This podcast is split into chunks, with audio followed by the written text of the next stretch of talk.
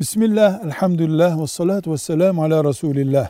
Trafik kazasından sonra Allah katında mesuliyetten kurtulacağımız uygulamanın kararını kim verebilir? Kim vermelidir? Yani bir trafik kazası oldu. Ben kıyamet günü bu kazadan dolayı mesuliyet altında kalmak istemiyorum. Hangimiz haklı, hangimiz ne kadar kabahatli gibi. Cevabımız şudur. Bu konuda yetkili yolun hakimidir.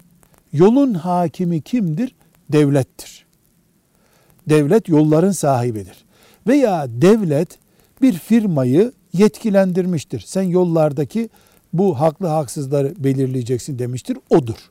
Hangi ülkede yaşıyorsan o ülkenin kanunlarının yetkilendirdiği kurum trafik kazasındaki haklı haksızı ayıran kararları verir.